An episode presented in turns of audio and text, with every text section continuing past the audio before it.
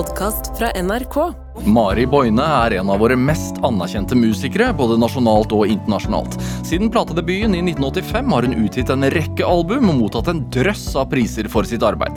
Blant dem fire Spellemannspriser. Boine anses som en pioner og skal ha mye av æren for at samisk musikk i dag er en levende del av verdens musikkarv. Dette er Drivkraft med Vegard Larsen i NRK P2.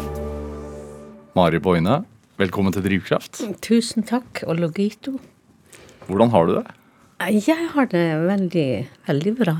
Litt hektisk har det vært de siste månedene, men, eh, men eh, man skal jo være glad for at man får respons på det man holder på med. Hvorfor hektisk? Nå har først vært med på Det var jo en del spillinger i sommer. Jeg hadde en premiere. Og eh, så har jeg øvd masse til, på låtene til Hver gang vi møtes. Ja, for du er med der? Jeg var med på opptakene i august-september. Og så er det rett på intervjuer i forbindelse med utgivelsen av Anna med. Ja, Nye plata. Ja. Ja, som, du, som du har eh, laget sammen med Bugge Wesseltoft. Men også, hvordan er det å være med hver gang vi møtes? Det var faktisk veldig, veldig morsomt. Vi var en kjempefin gjeng. Jeg, var, jeg har jo sagt nei. De har spurt meg i noen år. Og jeg har tenkt nå, jeg vet ikke helt, og hvordan skal de tolke mine sanger? Men, men det var veldig fine to uker. Eh, intensivt. Det var opptak i ti dager, elleve timer hver dag. Jeg, jeg skjønner egentlig enda ikke hvordan, eh, hvordan jeg klarte det. Og at jeg enda har energi til andre ting. Men uh, det er jo et utrolig vakkert sted, Kjerringøy. Som jo heter Æpeswalo på samisk, og er midt imellom det pitesamiske og det lulesamiske området. Eh, og så var vi en utrolig fin gjeng. Lærer man noe nytt om sin egen musikk når man er med, er med på sånt? Fordi andre artister tolker musikken din. Jeg vil heller si at man lærer Man kommer i kontakt med andre sider av seg sjøl. På hvilken måte? Fordi at vi er jo flere generasjoner. Det var jo to som var i 20-årene, så er det to som er i 30-årene, og så um, Nei, tre som er i 30-årene, og så var det meg og William som er 60, og William er 70, altså i 60- og 70-årene. Og det jeg eh, Det var en utfordring å finne inngangen til låtene til de unge. Men Og, og da var det en eh, Jeg måtte gå tilbake i, i min følelsesverden og tilbake til opplevelser som jeg sjøl har vært igjennom. Så det var, Jeg syns det var utfordrende, og det var også spennende. Også det her med at eh, det inneholder jo også en del eh, tull og tøys og lek. Og jeg er så seriøs og, og, og jobber hele tida, så det var veldig Men jeg har også en veldig humoristisk side som jeg ikke har vist offentligheten så mye. Mine venner sier jo at eh, ja, nå får eh, resten av Norge se også den sida som vi kjenner. Har du skjult den Ja. med, med overlegg?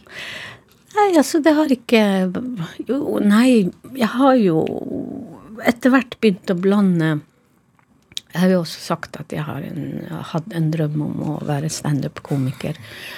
Og etter hvert så De første årene var jeg veldig, veldig alvorlig og seriøs, og min musikk uh, går jo veldig i dybden, så det ble nesten for mye av det gode for folk. Men så når jeg lærte å kombinere det med humor og galgenhumor, som vi har veldig mye av i Sápmi, så, så syns jeg at det, da begynte det å bli en veldig fin balanse, sånn at folk kan både, både le og gråte på mine konserter. Hvorfor, hvorfor er eh, humor og galgenhumor eh, så sentralt? Jeg tror at det, for oss har det vært en måte å overleve mye tøft på. Og jeg mener, humor er jo medisin. Det er jo det. Og jeg vet ikke, det har alltid vært galgenhumor hos oss. Hvordan hadde et standup-sett vært med deg? Hva, hva, hva, hva, nok- åpningsvitsen? Hva hadde det vært?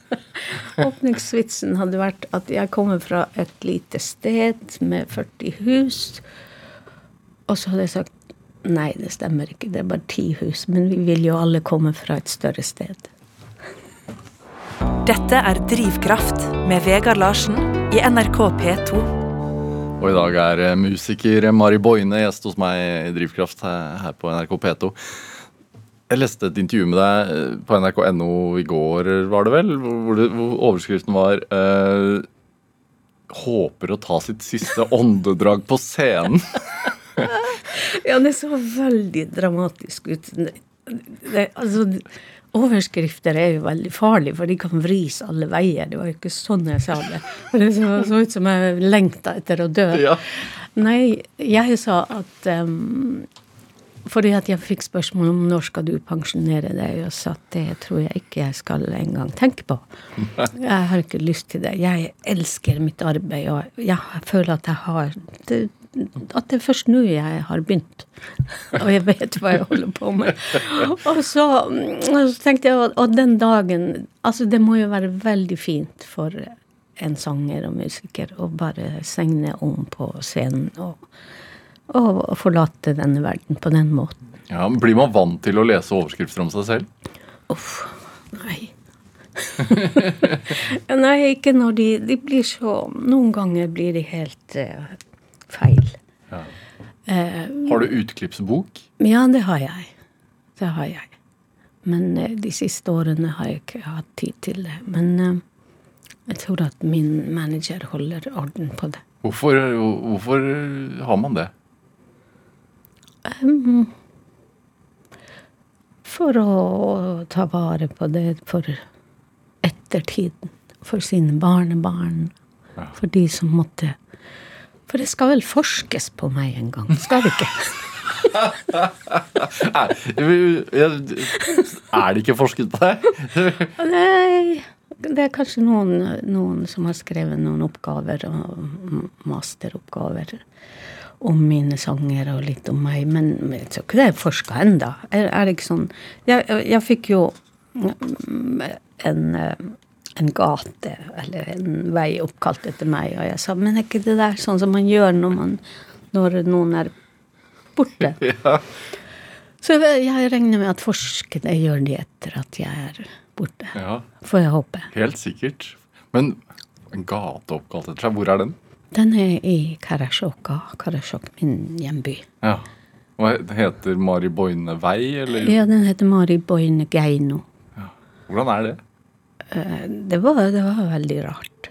Um, men, jeg, men jeg har etter hvert eh, Jeg tenker sånn at eh, Hvordan Jeg er Mari Boine er ikke Jeg eier ikke Mari Boine. Hun er større enn meg. Når begynte, det, når begynte du å føle på det? Um, sånn omtrent midtveis. Eller det er jo Jeg var jo verdens mest beskjedne menneske. eh, Et skjelvende aspeløv på leirskolen. Og så, og så begynte jeg å synge som en terapi for meg sjøl. Og plutselig var jeg en talsperson for et helt folk. Ja. Og, og i begynnelsen var det jo skremmende. Men så så har jeg vel gått inn i den rollen, da. og det er jo og, og, og jeg så at det var nødvendig, fordi jeg oppdaga det talentet som min stemme er. Og jeg visste tidlig Fordi jeg sjøl hadde vært så full av mindreverdighetsfølelse og selvhat at jeg tenkte at det vil jeg mm, for det første få bort hos meg sjøl. Jeg vil jobbe med, med å bli sterkere og stoltere. Synge det frem, eller synge det bort? Ja, for jeg merker at ved å skrive uh, som en terapi, så, så ble jeg mm, sakte, men sikkert sterkere. Og, og at da Og det jeg også visste, var at jeg må ut, ut i verden og vise at det samiske duger på lik linje med alt annet. Og det kunne jeg gjøre med fordi at folk begynte å lytte til stemmen min. Hva, hva sier det om stemmens kraft, tenker du? Eller kanskje joikens kraft. Ja.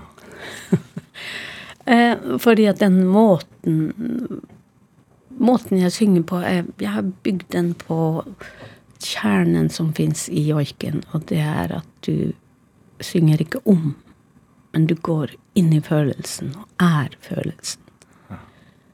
Og det syns jeg vel, har vært veldig fint å ta det med i den nye musikken jeg skaper. Som jo er en blanding av ikke bare joik, men inspirasjon fra salmesang, fra pop, fra rock. Litt fra jazz og annen folkemusikk. Hvordan Kanskje vanskelig å beskrive med ord, men, men, men, men det at man joiker en følelse, eller joi... Klarer du å beskrive det? Hvordan det skjer? Nei, heldigvis ikke. For da hadde jeg vel bare holdt, holdt på å snakke om det og ikke Ja. gjort det. Altså, det handler om å egentlig ikke tenke for mye. Nei, nettopp. Og det er jo Jeg husker jo i begynnelsen, når Gola Gola kom i, på slutten av 80-tallet. Og da var det en kritiker i Dagbladet som alle var veldig redd. Hva het hun? Gerd Johannessen. Johansen. Og hun slakta Gola Gola. Hun var provosert har ikke sanget rent. Og at disse evinnelige repetisjonene. Og hun repeterer og hun repeterer, og når vi tror hun er ferdig, så repeterer hun en gang til. Og, og lenge var det sånn at fordi at det var repeti repetisjoner Så det er jo det repetitive som er en del av den sjamanistiske musikken, av, den, av joiken også. Og, og folk var litt sånn Hvordan skal vi ta det her? Vi, vi klarer ikke å skjønne hva, hvor hun vil. Og så, eh, etter hvert, så kom transmusikken. Og da kanskje åpna folk seg mer for også min musikk. Og, eh, for dette handler om at du Hvis du med hodet prøver å, å ta imot denne musikken, så er den fryktelig kjedelig, og det, det er ingenting som skjer. Men hvis du lar den treffe andre deler av deg sjøl. Fordi vi består ikke bare av hodet. Og, og da begynner det å skje spennende ting. Vi må, vi må høre litt uh, musikk, Mari Boine. Eh, Du har med en uh, helt ny låt. som du har laget sammen med Bugge Wesseltoft. Alit Alihasta Alia. Er- Var det riktig uttalt? Litt lengre a-er. A-litt, ali-haste, ali-ha. Man, man må ha tid når man sier samiske ord. man må ikke ha det fra Hva, hva, hva, hva handler den om? Det er uh, det er Karen Anne Buljo som har skrevet teksten, og det er en kjærlighetssang. Og den er, hun skrev det ut fra en utstilling hun så ehm, Hun skrev det som en del av en anmeldelse av en utstilling. Eh, og, og det, så dette er litt kjærlighetshistorien til to av våre største kunstnere. Eh, som både eh, billedkunstnere og, eh, og eh, forfattere og poeter. Og jeg syns hun For hun, hun bruker deler av deres poesi og, og mikser det sammen. Sånn som Bob Dylan gjør. Han klipper og limer. Og jeg syns hun har gjort det veldig fint. Skal vi høre? Ja.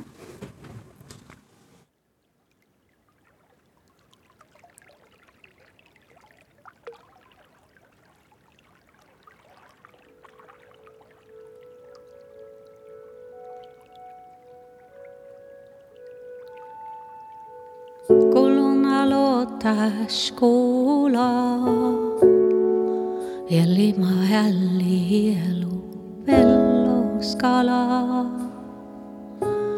Ruon äärekäri kodoa Kiehun aloittaas kie Mutta cholmi miesä chii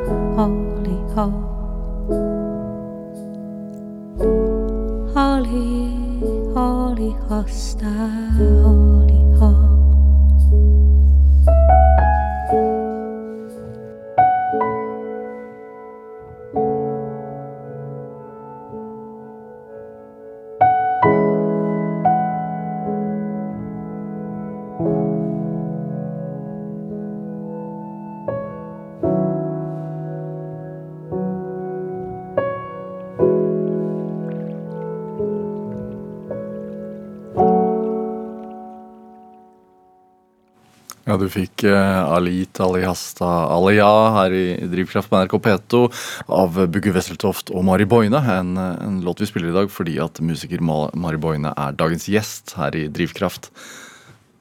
Hva tenker du når du hører den? At det er så utrolig vakkert. Og så tenker jeg Tenk at jeg skulle komme så langt at jeg kan høre på min egen stemme. Og at jeg kan nyte det og synes at det er fint. Ja, for det har tatt tid. Det har tatt tid. Og, og det er jo sånn Jeg, jeg har jo eh, Altså, det er veldig vanlig at sangere og musikere ikke hører på egne ting. Og, og det er også noe med at man hører sin egen stemme på en annen måte. Og, men jeg, jeg virkelig elsker denne plata.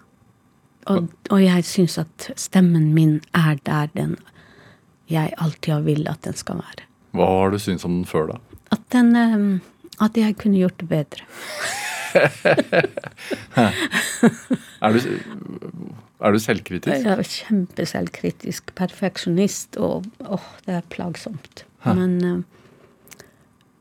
um, jeg vet ikke om det er noe som kommer med alderen, at man begynner å roe seg ned og slappe av. Og, altså, jeg har så å si ikke klart å høre på mine egne låter. Jeg har tenkt det er for andre. Jeg har jo måttet høre på av og til for å øve og Ja.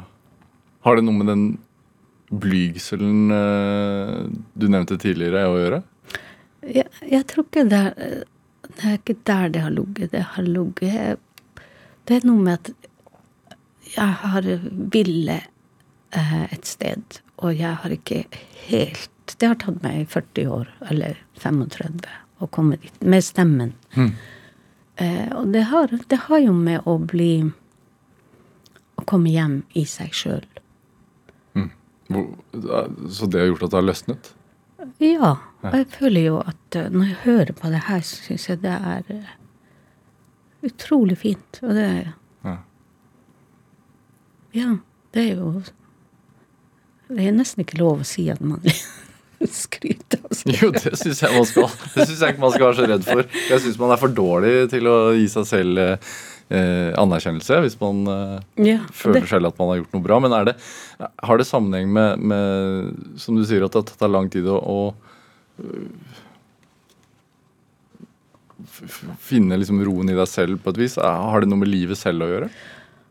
ja, det regner jeg med. At, at jeg, har- en mye større trygghet nå enn jeg har hatt i de tidligere årene. Hva har skjedd? Um,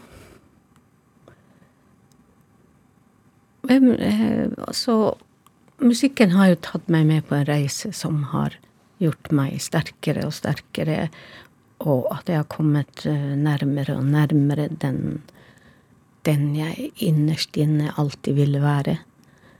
Og, og så Kanskje at man når man blir eldre, så bryr man seg ikke om forventninger og hva andre mener. Og, eh, men jeg, er- det, det er jo ikke sånn at du er sterk og, og, og, og modig hele tida. Altså, jeg kan fremdeles kjenne på en veldig En, en skjørhet og en eh, men det har kanskje med at jeg har akseptert meg sjøl, at jeg er veldig, veldig følsom. At jeg er nesten hyperfølsom. Og at, eh, at eh, det er sånn jeg er, istedenfor at jeg skal piske meg sjøl til å være tøff som alle andre. Fordi at jeg er jo også, har jo også vært tøffere enn toget, men også. Ikke sant? Sånn at når jeg da i situasjoner hvor jeg plutselig f.eks. ikke tør å gå inn et sted, eller føler her kan jeg ikke være, og sier det til, um, til mine nærmeste, så er det sånn Ja, men herregud, du står jo på all verdens scener, hva er det her? Og det, jeg tror at det for oss som er veldig følsomme, og, og samtidig kjempemodige innimellom. Og det å få folk til å skjønne at det faktisk kan bo i én og samme kropp, et, eh, altså det spennet. Og jeg, jeg tror det er det som har skjedd, at jeg har skjønt at uh, uh, alle delene, alle de delene er meg.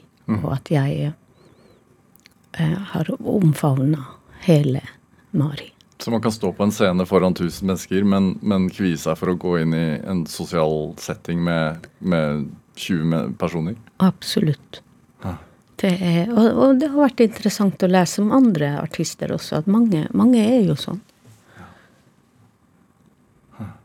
Er det andre, andre områder altså det, Når man holder på med et kreativt yrke og, og lever av, holdt jeg på å si, og ånder for å formidle følelser, så må det å være veldig følsom være en god egenskap. Ja. Det er jo det. Det er det du skaper ut fra. Og så, og så er det jo av og til må man minne folk som er rundt deg, om at fordi at det er sånn Ja, men trenger du å være så følsom, og trenger du å Kan du ikke bare skjerpe deg? Men det er jo min jobb også å jobbe med de følelsene. Jeg kan ikke alltid lukke. Eh, men jeg, jeg blir, det, det, det som har vært fint, er å å lære seg å, å lukke. Å lære seg det og at du ikke alltid kan være, være i alle sammenhenger. Du må være veldig obs på hvor du kan være og ikke kan være. Fordi at når jeg var yngre, så kunne jeg Jeg hadde Jeg tror at min sosiale angst begynte når jeg ble tenåring. Fordi at det var så mye dommedag og snakk om dommedag og eh, veldig mye mørke, Hjemme? dystre ting hjemme, ja. Ja. Og, og så, jeg husker da jeg var 13-14, så var det akkurat som hele himmelen ramla i hodet på meg igjen. Eh, og, og at det var da den em, eh, angsten eh, At jeg begynte å kjenne på en angst. Og så også det å oppleve etter eh, å ha jobba med musikken og jobba med meg sjøl, at det fins en beskyttelse. For eh, i perioder kunne det være sånn at hvis jeg satt ved et bord, og det var mange mennesker, så kunne jeg bli helt stiv av skrekk. Hva er man redd for da? Nei, det skjedde jo bare. Man var ikke redd. Man, det bare skjedde. Det, og etter hvert har jeg lest meg til at altså når man er hyperfølsom, ja. så er det man, man tar inn alles følelser. Og, og du kan bli over, overbelasta som en, som en uh, datamaskin.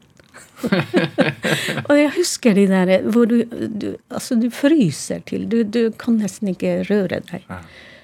Syke Uh, og, og, psykologi og psykoterapi og sånn, har det uh, For det har interessert deg? Ja. Vet du, du har lest Jung, f.eks. Ja. ja. Når begynte du å bli opptatt av det?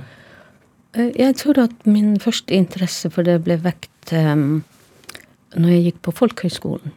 Jeg gikk på Sami Almut, alle skoler. Den samiske folkehøyskolen. Og der hadde vi for første gang lærte vi litt psykologi. Jeg husker jeg syns det om gruppepsykologi var så interessant. Om hva som skjer med mennesker når de kommer i grupper, og hvordan det kan gå utover en person, og hvordan en kan føle seg utafor, og det blir en klikk. Mm. Jeg har alltid interessert meg for det, fordi at det, det også har hjulpet meg til å forstå meg sjøl. Um, du hadde behov for å forstå bedre hvorfor du tenkte som du gjorde? Ja, for jeg tror at jeg alltid har hatt en lengsel etter å bli fri fra For det å ha angst, det er jo som å ha en tvangstrøye. Ja. Og jeg ville vekk, jeg ville ut, jeg ville puste. Og det er det som jeg tror har skjedd nå når jeg er godt over 60 år. Mm. At jeg kjenner Wow, det er sånn her jeg skulle vært når jeg var 20 og fri fra alt det som var, liksom gjorde deg ufri. Mm. Så jeg er veldig opptatt av å Jeg så Tony Morrison hadde en Jeg fant et uh, Tony Morrison-sitat hvor hun sier Har du blitt fri, har du klart å frigjøre deg, så har du en plikt til å frigjøre andre. Og det Jeg tror at den Det har alltid vært um, en del av meg. Fordi at jeg eh, Jeg har lagd disse sangene for å frigjøre meg sjøl. Men jeg har også fått respons fra folk om at det frigjør dem. Og da, det har motivert meg til å skrive mer og til å dele av denne musikken. Mm. For jeg får jo utallige tilbakemeldinger fra både fra folk uh, i Sápmi, fra Norge og hele, hele verden. Mm. Du har med en, eh, Jeg spør jo alltid gjestene mine om å ta med musikk, og du foreslo også at, eh, at vi skulle spille en Patti Smith-låt. Eh, som jo heter 'Set Me Free'. Ja. Hvorfor er den viktig for deg? Um, jeg tror at inntil jeg oppdaga Patti Smith, så var det, var det mest menn som var i rocken, og menn som sto på scenen. Og jeg hadde jo selvsagt hørt Janis Joplin. Og når jeg var enda yngre, så hadde jeg hørt mest på Doris Day. Som jo er den rake motsetning. Det, det, forteller noe om at først var det idealet, fordi at jeg ville så gjerne Sera, ja. ja. Og jeg ville så gjerne bli blond. Altså, jeg tror alle urfolks kvinner har opplevd, i hvert fall mange av oss har, det her og også svarte kvinner, at man, man hadde det der idealet om det blonde lyset som, som var liksom kom fra den verden som hadde status. Og så og så var det hun som var idealet en stund, og så kom Janis Joplin og Patti Smith, som var noe helt annet, og som, som tillot andre sider av meg ja. til å komme fram. Skal vi høre litt på, på Set Me Free? Ja. hvor gammel var du da cirka, tror du? Jeg var nok i 20 20 år, da? Ja.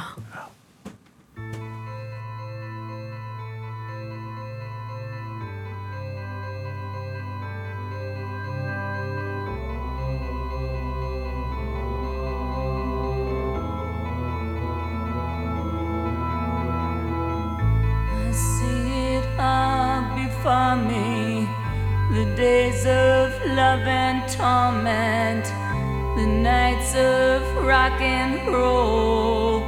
I see it all before me. Sometimes my spirit's empty. Don't have the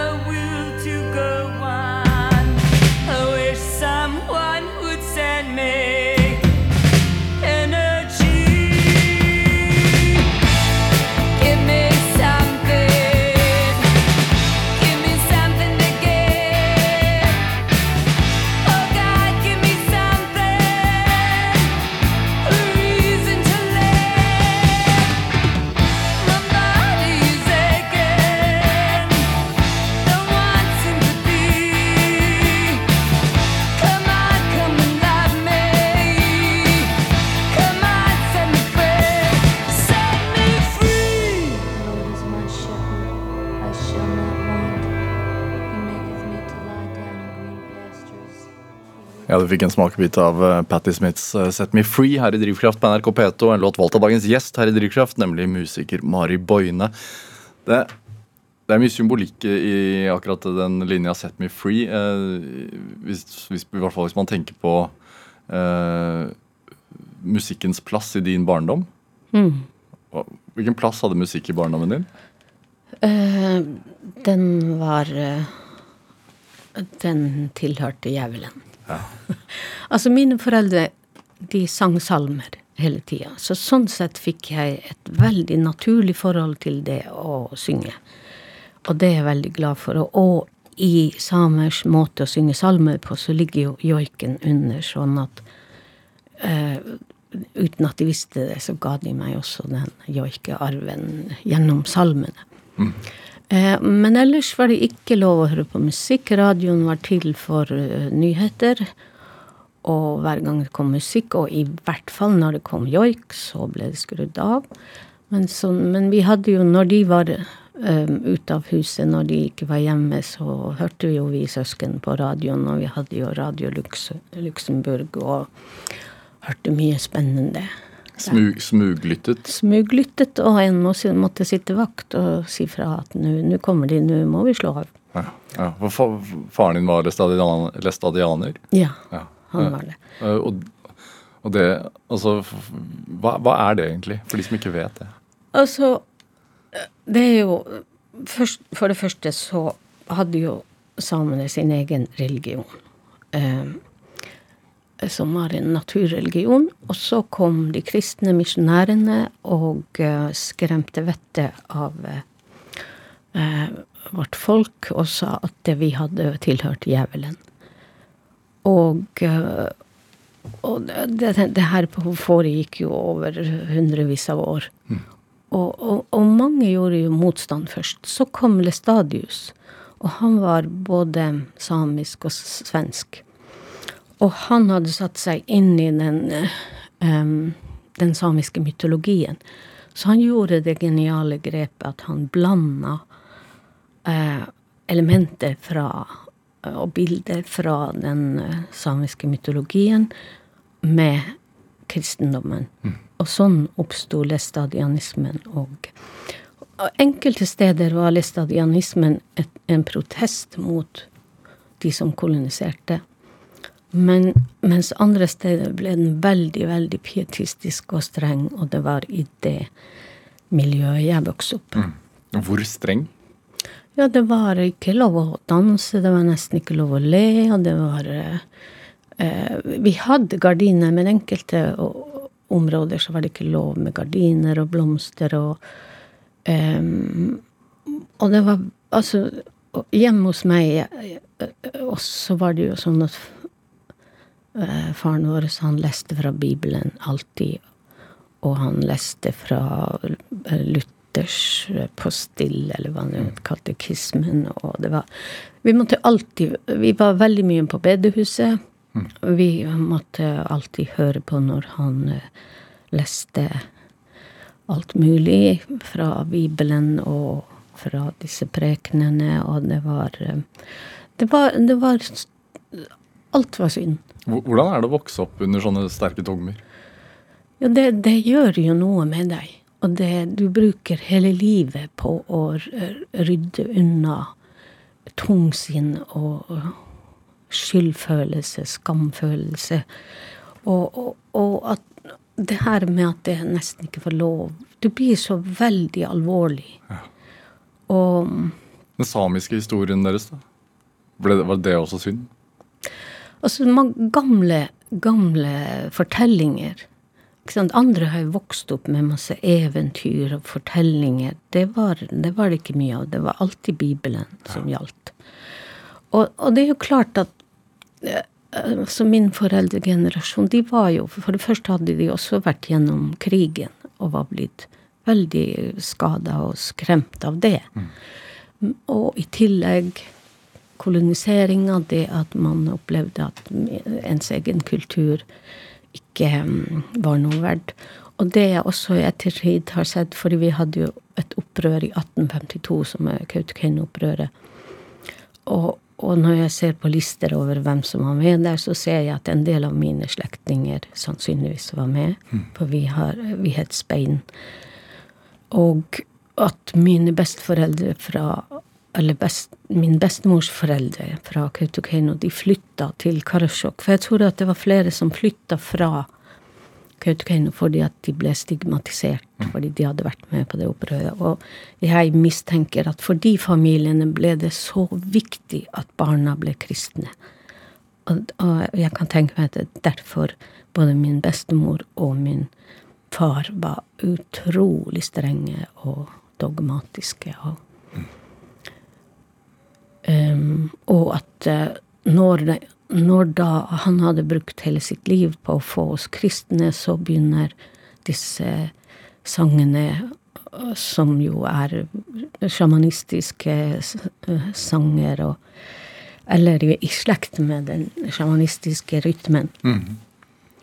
Og i tillegg så begynner min bror å hile.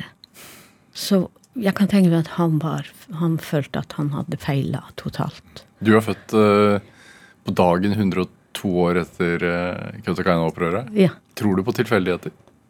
Ja. Ja. Tror du at det hva, hva tenker du om skjebne?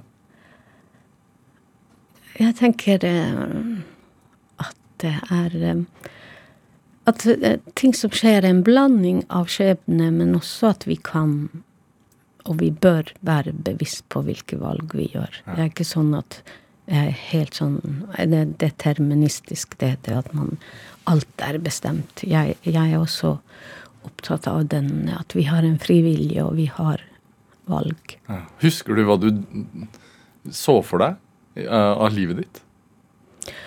Jeg, jeg eh, Det er litt morsomt. Vi hadde fotovalgfag på skolen, og da tok min kusine et bilde av meg hvor jeg står foran plakat, en plakat av Wien. Og så står jeg med en mikrofon. Og det jeg senere har gjort, er jo at jeg har strøket over mikrofonen fordi at ikke, så ikke mine foreldre skulle se hvilke drømmer jeg hadde. Altså, det var såpass. Ja. Ja. Og jeg, jeg tror jeg hadde fryktelig respekt for eh, mine foreldre. Og, det som også er mm, Altså, min søster eh, hun, Men når hun tjente de første pengene Hun var kanskje 13, og jeg var 15. Eh, eller kanskje det var litt tidligere. Så ville hun kjøpe en platespiller. Hun kjøpte en platespiller hos nabogutten, og vi var henta den med sånn melke... Sånn eh, tralle som man eh, brukte til melkespann. Og, og vi gjemte den under, under senga, for det, det her måtte de ikke se. Og det første uh, mora vår gjør når hun kommer hjem, det er å gå rett dit hvor platespilleren er, og akkurat som hun lukta den og sa at den her skal ut av huset. Kunne det være straff involvert? Ja. Ehm, men bare det å, å, å, å gå imot dine foreldre, det, altså, det Det var jo både straff, men det var også Det er mange måter å straffe på. Og, men så, så når vi måtte levere tilbake denne platespilleren, så mange år senere får vi vite at mora vår hadde platespiller når hun var ung. Og hun elska å høre på musikk. Hun var forelska i faren vår. Hun hadde en låt som hun spilte igjen og igjen. Det er sånn jeg gjør når jeg er forelska. Det er en låt som minner meg om han. Da må jeg spille den igjen og igjen. Så hun hadde mye av Jeg har mye av henne i meg. Og, og når Sannsynligvis når faren vår kom inn i hennes liv, så var det slutt på moroa. Og jeg kan huske under uh, uthuset til bestemor, for det var bygd på påler, så lå det knuste LP-plater. Og jeg har en mistanke om at det var fra den tida. Hva, hva er det som gjør at du da likevel turte å øh, gjøre opprør, da? Og lære deg samisk og begynne å synge? Samisk eh, snakka vi. Dere snakka ikke, samisk? Ja da. Det var ikke sånn at eh, det samisk var helt uh, naturlig, og han, han leste jo fra Bibelen på samisk, og alt var på samisk, men det var den åndelige delen, og den, den som var knytta til joik.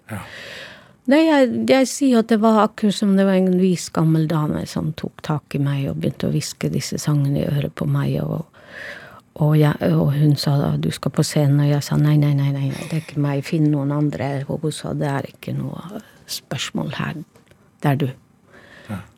Og det er sånn som jeg liker å tenke, at sånn skjedde det. Og det føltes sånn, fordi det var ikke noe valg. Disse sangene, denne musikken bare tvang seg fram. Og, og, og innimellom selvfølgelig var det smertefullt å måtte gå imot mine foreldre. Fordi at det som også skjedde, var jo at når jeg fikk Spellemannsprisen eh, Så de kom jo aldri på mine konserter, men de så på den sendinga. Og da ble eh, To dager etter fikk far min hjerteinfarkt. Jeg vet ikke om det var noen sammenheng, men han var syk hele det mm, halvåret. Spellemannsprisen var i januar. Og så begynte jo legene da å, å skryte av meg til han, og han ringte meg og sa at ja, kanskje jeg skjønner hva du holder på med, de er jo De snakker om deg her, og uh, de sier at de vil gjerne at du kommer og synger. Og så ja, ja, så hyggelig. Da, da kommer jeg en tur. Og så dro jeg dit. Og det første han sier, er at du synger bare salmer. Og jeg bare kjente at eh, det var en religionskamp mellom meg og han. Han ville at jeg skulle hylle det kristne, og jeg ville at han skulle akseptere sin egen arv og, og disse sangene som hadde kommet gjennom meg. Så jeg sa ok, da går jeg. Jeg synger ikke. Ha det bra. Og det var øh, veldig smertefullt når han da noen måneder etterpå døde. Eh, men eh, Har du forsonet deg med det? ja. Altså, man kan jo ikke annet. Eh, og jeg tenker at nå er de For min mor døde jo eh, mm, åtte måneder etterpå. Og da var det sånn, da hadde jeg begynt å planlegge denne plata sammen med Kirkelig kulturverksted, salmer på veien hjem, for å glede min mor. Jeg skulle synge salmer for å gjøre det godt igjen. Og så dør hun før den kommer ut. Eh, Så akkurat den perioden var fryktelig kaotisk og vanskelig, og det var full, eh, full av følelser. Men etter hvert så Altså, man, jo Jeg tror at alle de der smertefulle tingene har blitt til sanger. Og det er jo sånn at um, for å gjøre alt det jeg har gjort, så har jeg måttet gjøre meg hard. Sånn at jeg gråter veldig sjelden. Men når jeg står på scenen, så tror jeg at jeg er i kontakt med at Jeg har lagt all, all, eh, alt det som har gjort vondt, inn i sangene. Og så kommer publikum og sier til meg 'Jeg hadde ikke tenkt å gråte'. Ikke sant? Folk kommer til meg og sier 'Hva er det, hva er det du gjør?' Jeg, tårene renner. En, eh, en eh, låt vi virkelig hører det på, er jo, eh, er jo et slags gjennombrudd med, med Gola Gola. Eh, som som eh, også fikk Spellemann, da. Det var vel ca. på dette tidspunktet, da. Det var den. Det var det. Um, en, en låt som jo er kanskje enda mer aktuell i dag enn den var da den kom. Ja. Og det er jo øh, det, Den er bygd på en gammel joik. Eller rytmen fra en gammel joik. Og teksten lot vente på seg. Men en natt så ble jeg vekt Og da hadde jeg hele teksten. Og, og i vår kultur så tror vi at eh, det kan komme eh, hilsener gjennom drømmer fra våre formødre og forfedre. Og det her er jo, når jeg- så på det, så er det en påminnelse om den visdommen som alltid har vært hos naturfolk, også mitt folk. At ena lämin buokajätni, jorda er vår mor. Hvis vi skader henne, så skader vi mm, oss sjøl og de som kommer etter oss. Skal vi høre? Ja.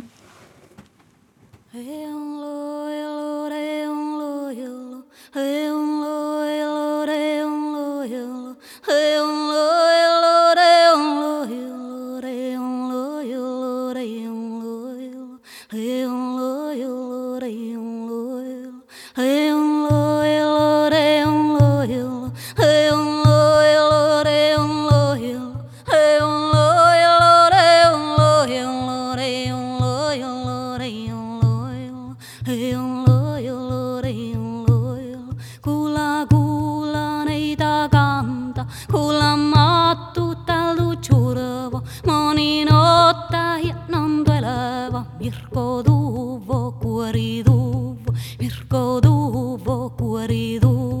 kuulajana neid kanta, kuulamata rahkujana, hiena lämmin puhka jätmi, tam jos koti ja jäätmi, tam jos koti ja jäätmi. Hei on lojalo, re on lojalo, hei on lojalo, re on lojalo, hei on lojalo.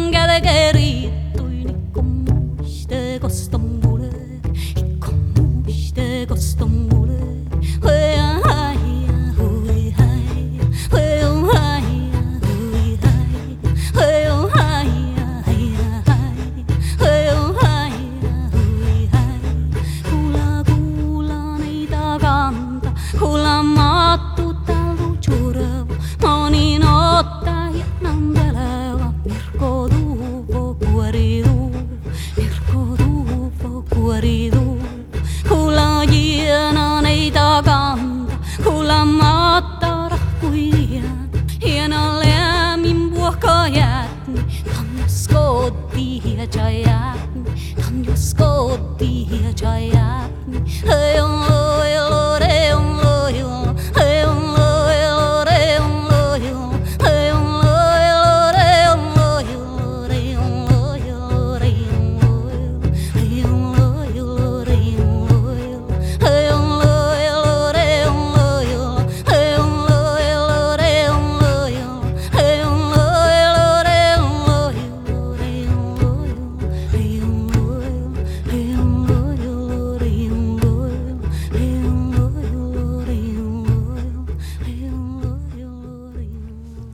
Eh, Gola Gola av eh, Mari Boine her i Drivkraft på NRK P2. En, eh, en låt vi spiller i dag fordi at eh, musiker Mari Boine er dagens gjest her i Drivkraft. Altså, Du har jo stått på barrikadene opp igjennom. Det er det jo ikke noe tvil om. Ja, gjennom min musikk og gjennom intervjuer, gjennom å utfordre myndigheter. Og, men jeg, ser, jeg er så stolt av de unge i dag, fordi at de er hakket tøffere enn jeg noen gang har vært. Og jeg er så stolt av Ella Marie Hetta Isaksen. Og jeg tenkte å nevne Mikael Hetta, som nå i dag sitter utenfor Stortinget i en lavvo for å minne myndighetene på at det er to år siden at uh, Høyesterett kom med en dom i favør av samiske rettigheter, og at hvordan er det mulig det her er, Jeg er så sjokkert over hvordan myndighetene har behandla denne saken. Jeg tenkte at 40 år etter Alta-saken så virker det som at de fremdeles ikke respekterer samiske rettigheter. Hvorfor tror du at det tar sånn tid? Hvorfor tror du det bare blir trenert? Det er helt ufattelig for meg i en, et land som Norge. Selvfølgelig får vi ha språket vårt, vi får Det er en, en god del ting som har gått framover. Men når det kommer til å skjønne det at vår kultur er så knytta til naturen, og at, at selv om det er jo snakk om at ja, det er ikke lønnsomt, reindrift er ikke lønnsom. Det handler ikke om, om, om penger og tall. Og at, um, og at man velger å, å, å, gjøre det grønne skiftet ved å rasere en bærekraftig kultur, det er for meg helt ufattelig. Og jeg, jeg håper at uh, og, og, så handler det jo om, om uh, rettsstat. At, at, man, når det er en høyesterettsdom, hvis myndighetene ikke sjøl tar det på alvor uh, Jeg, jeg syns at mange, mange folk bør våkne opp med når det gjelder denne saken. For kan, i neste omgang kan det handle om, om en, noe som angår dem. Mm. Har du krefter til å ta den kampen, eller tenker du at det er, at det er fint at yngre står på barrikadene nå? Jeg prøver så godt jeg kan å støtte de unge, fordi at jeg vet at de også trenger oss og min generasjon. Men jeg har ikke eh, krefter til å eh, gjøre det fysisk. Men jeg syns at det er fantastisk at de tar den kampen, og at um, eh, Fordi at i vår kultur er det sånn vi, vi kan ikke tenke bare én generasjon fram. Det er sånn som jeg sier i Gola Gola, at det er jorda er vår mor, og det vi gjør mot henne, det gjør vi mot de som skal komme etter oss. Mm.